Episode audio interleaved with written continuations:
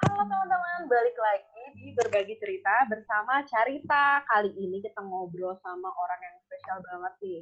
Karena dia adalah salah satu garda terdepan untuk saat ini dalam penanganan COVID.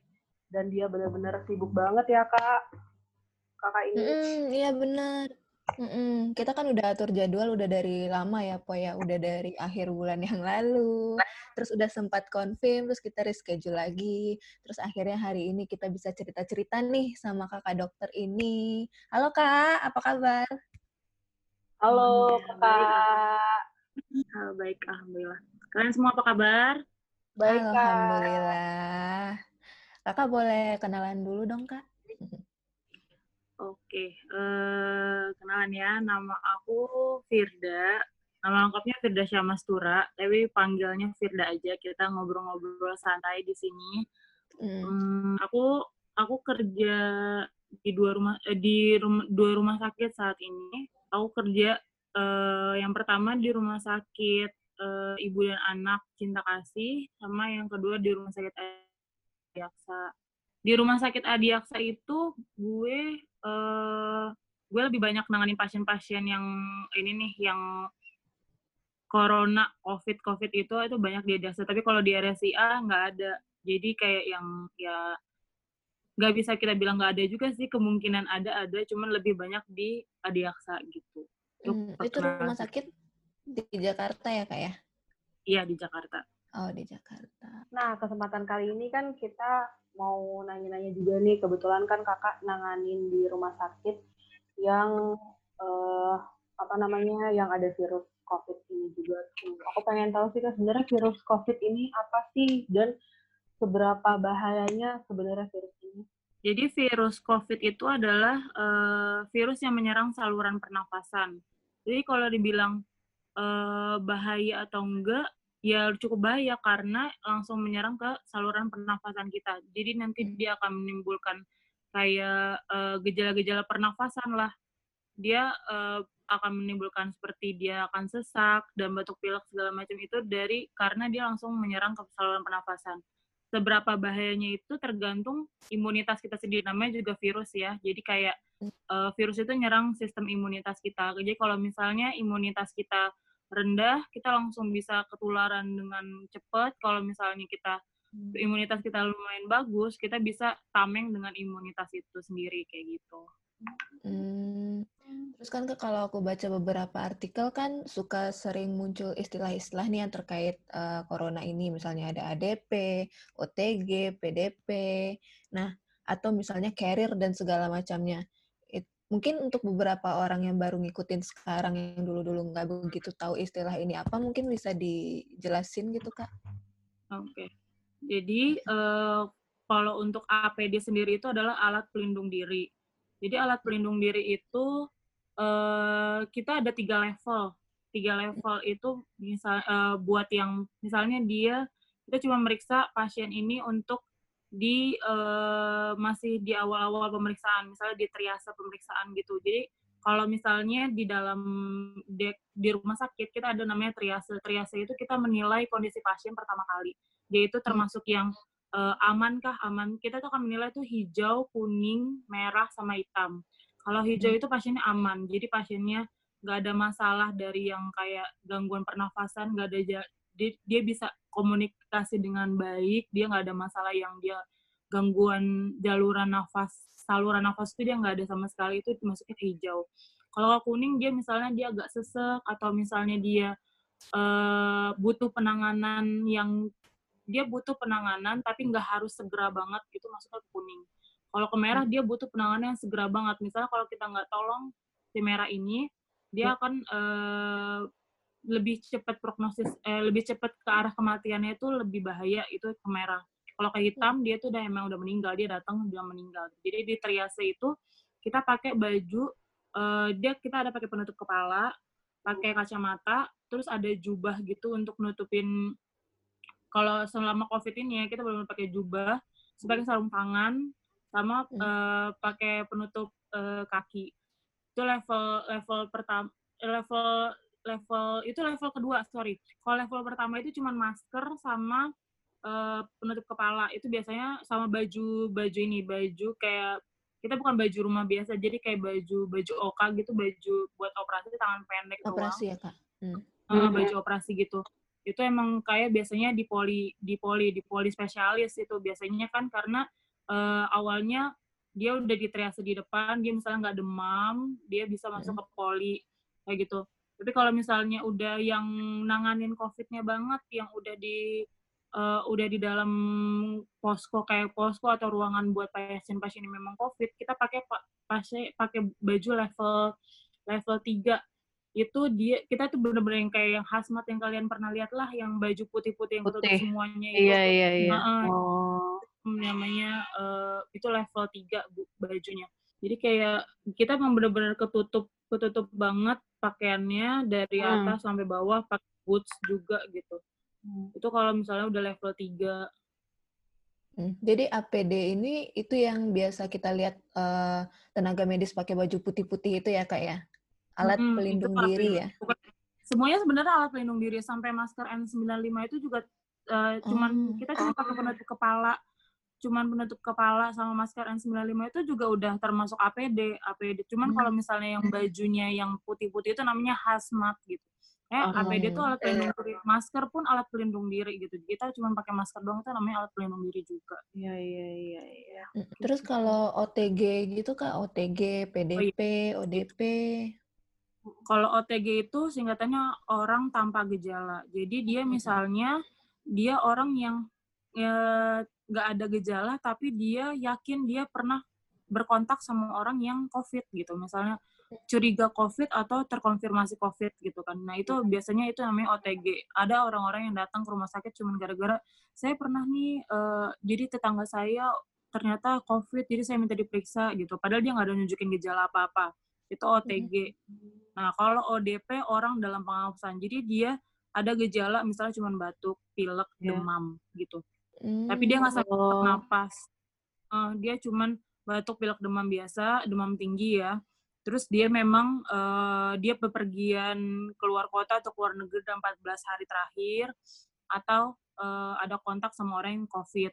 Cuman kalau misalnya dia udah PDP, pasien dalam pengawasan, itu biasanya benar-benar yang udah nunjukin gejala COVID dia jadi udah sesak nafas karena dia kita kalau biasanya COVID itu benar-benar yang udah sesak napas udah nggak eh, karena PDP itu ada yang ringan sedang berat juga. Kalau misalnya dia dia misalnya dia udah sesak nafas terus dia ada ada terkonfirmasi sama orang-orang eh, yang COVID juga Hmm. atau dia misalnya dia nggak tahu nih dia pernah ketemu sama orang-orang COVID tapi dia punya gejala infeksi saluran pernafasan atas yang berat gitu. Dia yang sesak batuk-batuk yang nggak sembuh-sembuh batuknya parah kayak gitu. Itu kita masukin ke PDP dan biasanya kalau misalnya OTG OTG itu kita akan saranin untuk isolasi diri aja di rumah gitu. Dia karena dia udah nggak ada gejala. Dia dia udah nggak ada gejala dia cuman pernah terkonfirmasi dia pernah eh, pernah kena apa eh, kontak sama orang covid gitu kan. Orang kita biasa saranin di rumah aja ha. karena sebenarnya mau rapid test pun itu rapid test di Indonesia ini benar-benar masih yang kayak rapid test itu kan cuman sebenarnya eh, menilai antibodi di dalam tubuh di dalam Hmm. tubuh lo. Dia ada antibodi Oh. corona atau enggak? Dia nggak bisa menilai dia lo pasti positif positif eh, atau corona atau enggak. Itu nggak bisa Oh, pakai gitu. rapid test. Itu bisa pakai PCR PCR itu swab tenggorok. Jadi emang kayak swab tenggorok itu itu agak kalau misalnya lo pernah lihat video swab tenggorok itu emang agak agak nyeri nyeri dikit karena lo di, kayak dimasukin cotton bud agak panjang lewat hidung gitu. Nanti akan di eh, di swab gitu terus baru nanti hasilnya itu pakai reagen yang itu diperiksa di lab. Nah itu Di lab bisa ya? lama di lab puslit bangkes itu dia agak, agak lama bisa semingguan baru hasil baru keluar. Makanya orang nggak semua orang bisa di swab tenggorok nggak suka-suka kita karena reagennya terbatas dan waktunya lama gitu pemeriksaannya kayak gitu banyak juga yang mau diperiksa soalnya Eh, kalau carrier ya carrier ya Iya. kalau carrier itu pembawa jadi eh, orang-orang mung- mungkin OTG itu bisa juga dibilang carrier ya bisa aja carrier ya kak dia- Hmm. tunjukin gejala, tapi Ya. dia sebenarnya ngebawa virus COVID di dalam tubuhnya, gitu. Jadi uh, dia nggak tahu nih dia sebenarnya COVID, tapi karena dia nggak nunjukin gejala, jadi dia ya berkeliaran aja gitu kan di luar ke mana-mana karena dia nggak ngerasa gue nggak COVID gitu. Nah itu itu yang yang lebih bahaya sebenarnya karena dia bisa nularin ke mana aja gitu. Itu yang hmm, carrier jadi siapa, pembawa. Hmm, siapa pun bisa jadi carrier ya kak ya karena dia nggak ya, ada bisa. gejala dan segala macam. Hmm. Bisa aja, apalagi sekarang kita udah tinggal di daerah epicentrum yang emang uh, Jakarta ya. Kalau Jakarta ini bener-bener yang kayak udah mungkin semua orang semua orang yang datang ke rumah sakit aku aja sudah kita anggap ODP karena pasti udah pernah udah kena paparan COVID tuh uh, bisa dibilang pasti karena semua orang udah udah kayak udah kayak apa ya kayak kesebar COVID tuh banyak carrier di Jakarta tuh udah banyak gitu. Makanya jadi karena kalau orang udah banyak ya kak?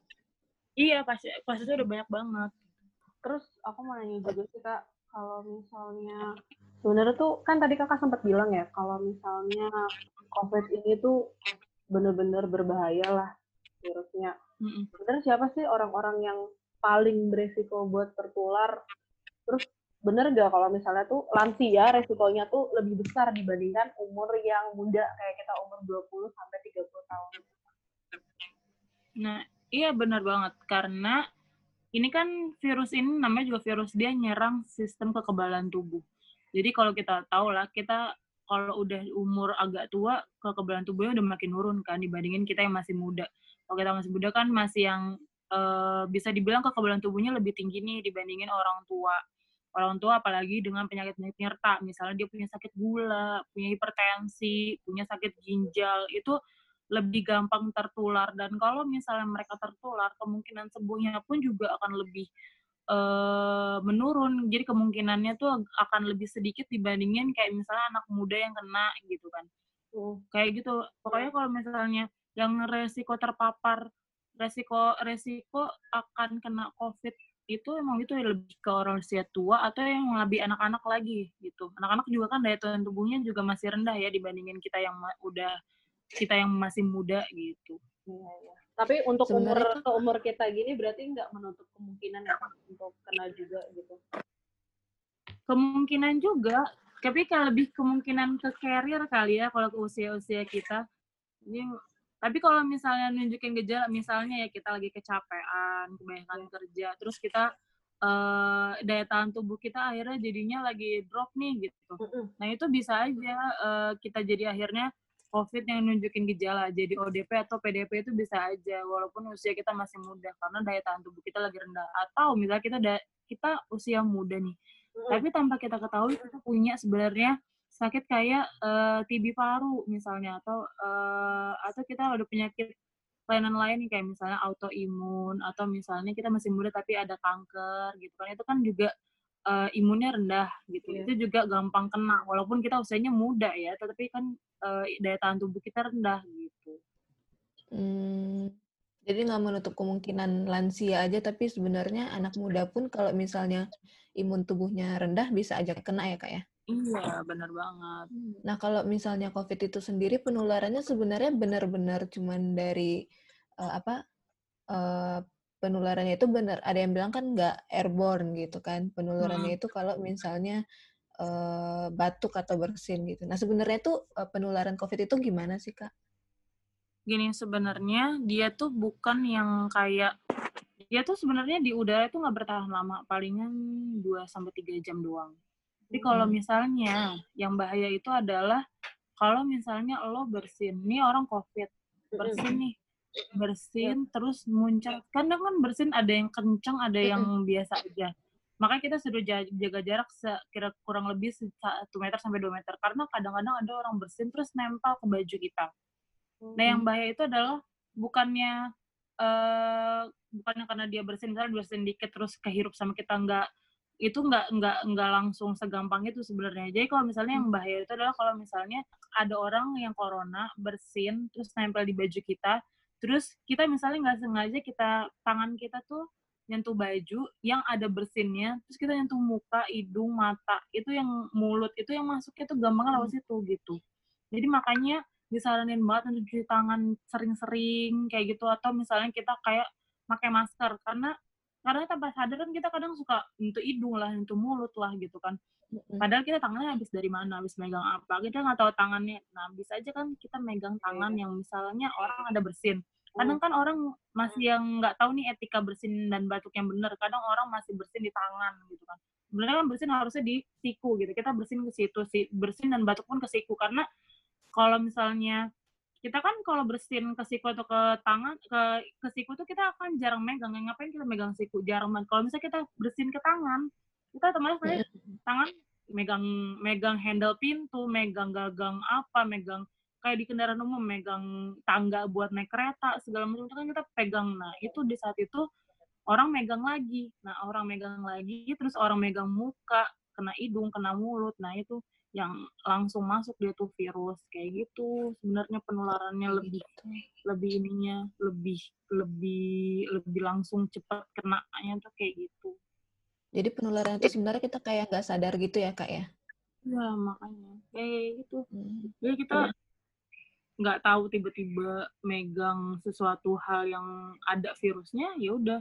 Makanya hmm. orang tuh benar-benar digalakkan banget untuk sering-sering cuci tangan gitu kita lagi habis ngapain cuci tangan cuci tangan cuci tangan karena kita nggak sadar kita habis pegang apa tangan kita gitu kalau untuk gejala-gejalanya COVID ini sendiri, Kak, apa emang cuma demam, batuk, dan sesak nafas atau gimana tuh, Kak?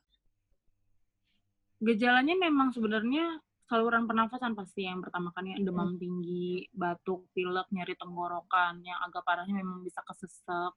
Cuman hmm. Eh, sekarang pun gejalanya bisa sampai ke saluran ke saraf, ada yang meningitis tuh ada ada oh. peradangan peradangan hmm. eh, peradangan selaput otak selaput. itu juga hmm. masuk gejalanya itu juga covid ke sana cuman belum banyak artikel yang ngejelasin itu cuman katanya memang sudah ada itu emang gejalanya macam-macam bisa nyerang ke mana-mana. Dan lebih parahnya karena dia memang saluran pernafasan pastinya emang gak ganggunya ke paru jadi emang nunjukinnya dia memang batuk pilek sesek. Uh, paling parahnya ya sesek. Jadi kita sampai susah nafas. Itu yang kadang-kadang orang ada aja yang di tiba-tiba sesek terus langsung kolaps itu. Itu karena emang dia ganggu pernafasan banget. Hmm. kapan sih kak maksudnya Kira-kira kalau misalnya demam sehari, apakah harus check up atau dia batuk berapa lama baru dia check up atau gimana gitu kak untuk ngecek rumah sakitnya sendiri? Sebenarnya eh, kalau misalnya baik lagi ke OTG, ODP tadi, PDP tadi ya. Jadi mm -hmm. kalau misalnya kita memang sakit, kita ada gejala. Jadi eh, sebenarnya alurnya itu pemerintah udah menetapin kalau misalnya kita sakit di sekarang ini ya, ke mau kita udah terpapar, mau kita nggak dari luar negeri pun, tapi hmm. kita uh, ada-ada keluar rumah selama 14 hari terus kita sakit. Dalam 14 hari terakhir kita ada-ada keluar rumah. Terus kita sakit, demam, batuk pilek gitu. Kita akan self isolasi gitu. Jadi di rumah aja selama 14 hari jauh dari orang-orang, benar-benar di kamar aja selama 14 hari. Cuman misalnya dalam 14 hari itu terjadi perburukan Soalnya kamu kalau batuk pilek biasa kan nggak apa-apa lah ya, kita akan istirahat aja di rumah. Cuman kalau misalnya tiba-tiba jadi sesak nafas banget, atau benar-benar sesak nafas jadi susah nafas segala macam itu, ya perlu ke rumah sakit. Tapi sebenarnya pemerintah udah udah menggalakkan untuk kita nelfon ke dinkes aja yang 119 itu sebenarnya. Jadi kalau misalnya memang nunjukin gejala banget, nanti akan mereka yang akan datang. Cuman kenyataannya, sayangnya, kenyataannya itu adalah mm-hmm. pada saat pa banyak pasien yang datang dan dia saat bilang, iya saya udah nelfon 119, ternyata sama 119 juga disuruh ke uh, fasilitas kesehatan terdekat gitu. Itu yang jadi masalah. Mm-hmm. Jadi akhirnya pasien tetap terpapar, kena akhirnya mereka kan mau nggak mau karena mereka makin sesak atau gimana mereka ke puskesmas paling dekat atau ke rumah sakit terdekat gitu. Uh, mak jadi akhirnya itulah yang makin nyebarin penyakit karena kan dia kadang pasien waktu awal-awal sebelum digalakan masker pasien banyak yang datang tanpa masker gitu. Mereka hmm. padahal sebenarnya orang yang sakit banget itu yang harusnya pakai masker. Awalnya memang sebenarnya orang sehat nggak begitu terlalu pakai masker nggak perlu karena uh, itu kan cuma untuk mencegah biar nggak ketularan. Cuman kalau misalnya pasien yang emang yang sakit itu dia emang harus pakai masker. Karena kalau dia bersin atau batuk sembarangan itu yang kan akan nularin kan. Kayak tadi gue bilang kalau dia bersin terus nempel di baju orang yang sehat orang yang sehat megang bajunya yang kena tanpa sadar terus megang Hmm. mulut mulut segala macam itu yang nyebabin nularin. Nah itu awalnya kan kayak gitu orang nggak peduli sama masker. Awalnya ya ada orang ada yang sehat yang takut takut kena malah pakai masker yang sakit malah nggak pakai masker banyak tuh orang yang kayak gitu padahal mau seribu orang sehat pakai masker tapi yang sakit nggak pakai masker nih satu orang sakit nggak pakai masker tetap bisa nular gitu karena nempel di baju segala macam gitu Hmm. Berarti barusan itu itu parameter pasien yang harus self isolation tuh eh, kayak gimana? Terus kalau misalnya uh, yang harus dirawat di rumah sakit itu gimana ya kak? Jadi benar-benar beda ya. Mm-mm. Bener-bener tergantung lo ngeliat kondisi lo sih sebenarnya karena kalau misalnya semakin kalau misalnya kondisi lo masih bisa di rumah tapi lo ke rumah sakit Ya. lo kayak eh, yang pertama bisa aja lo yang nyebarin ke orang-orang yang sebenarnya dia nggak sakit covid tapi sakit yang lain berobat tapi karena eh, lo mau berobat tapi lo nggak tahu lo covid lo jadi nyebarin ke dia. Atau atau mungkin aja ada orang yang covid tapi sistem imun lo lagi rendah. Sebenarnya lo nggak covid cuma batuk pilek biasa kena Oh. orang yang covid. Jadi itu pemaparannya lebih tinggi gitu. Makanya jadi Hmm. sebisa mungkin kalau lo yang sakit demam batuk pilek selama lo masih bisa di rumah di rumah aja. Bener-bener di rumah isolasi diri mandi, eh, di kamar. Jauh-jauh dari orang sekitar jauh-jauh dari orang tua lo yang udah usianya lanjut atau ada anak kecil di rumah lo itu jauh-jauh sebisa mungkin jauh-jauh jadi bener-bener lo tidur sendiri jangan sering-sering bertemu mereka kayak gitu. Hmm. Deket rumah aku kayaknya kemarin apa tadi baru diangkut lima orang sekeluarga. oh my god positif Kak? semua Positif. Nggak tahu deh. Oh berarti itu kayak sekeluarga yang yang maksudnya penularannya dari itu tanda-tandanya apa kak? Apa tiba-tiba langsung diangkut aja gitu? Nah, biasanya kalau misalnya udah ada satu yang positif sekeluarga biasa dibawa semua Oh, gitu. karena gitu. pemaparannya apalagi kalau misalnya lo nggak tahu jadi misalnya lo pulang dari daerah mana gitu kan terus tetap aja eh, lo udah batuk pilek tapi eh, ya masih main sama serumah gitu kan masih yang ngumpul bareng. Terus nanti lo berobat lah nih karena lo batuk pilek nggak sembuh sembuh misalnya. Terus akhirnya ketahuan lah lo covid. Nah itu karena lo masih terus terusan terpapar sama orang serumah orang serumah mau nggak mau akan dibawa. Karena orang serumah itu pasti udah masuknya PDP semua serumah itu. Dia udah terpapar sama orang yang covid gitu. Kecuali kalau misalnya nanti pas di pemeriksaan segala macem orang-orang yang eh, serumah itu kondisinya bagus nggak ada perburukan Mm-mm. ya itu palingan nanti dibolehin pulang kayak gitu tapi pasti pertamanya diangkut semua untuk dicek Oh gitu. Oh. Berarti rasanya tuh deket ada di sekitar kita ya. Parah kayak gitu. Gue nggak keluar pagar. Jangan kak, jangan keluar-keluar.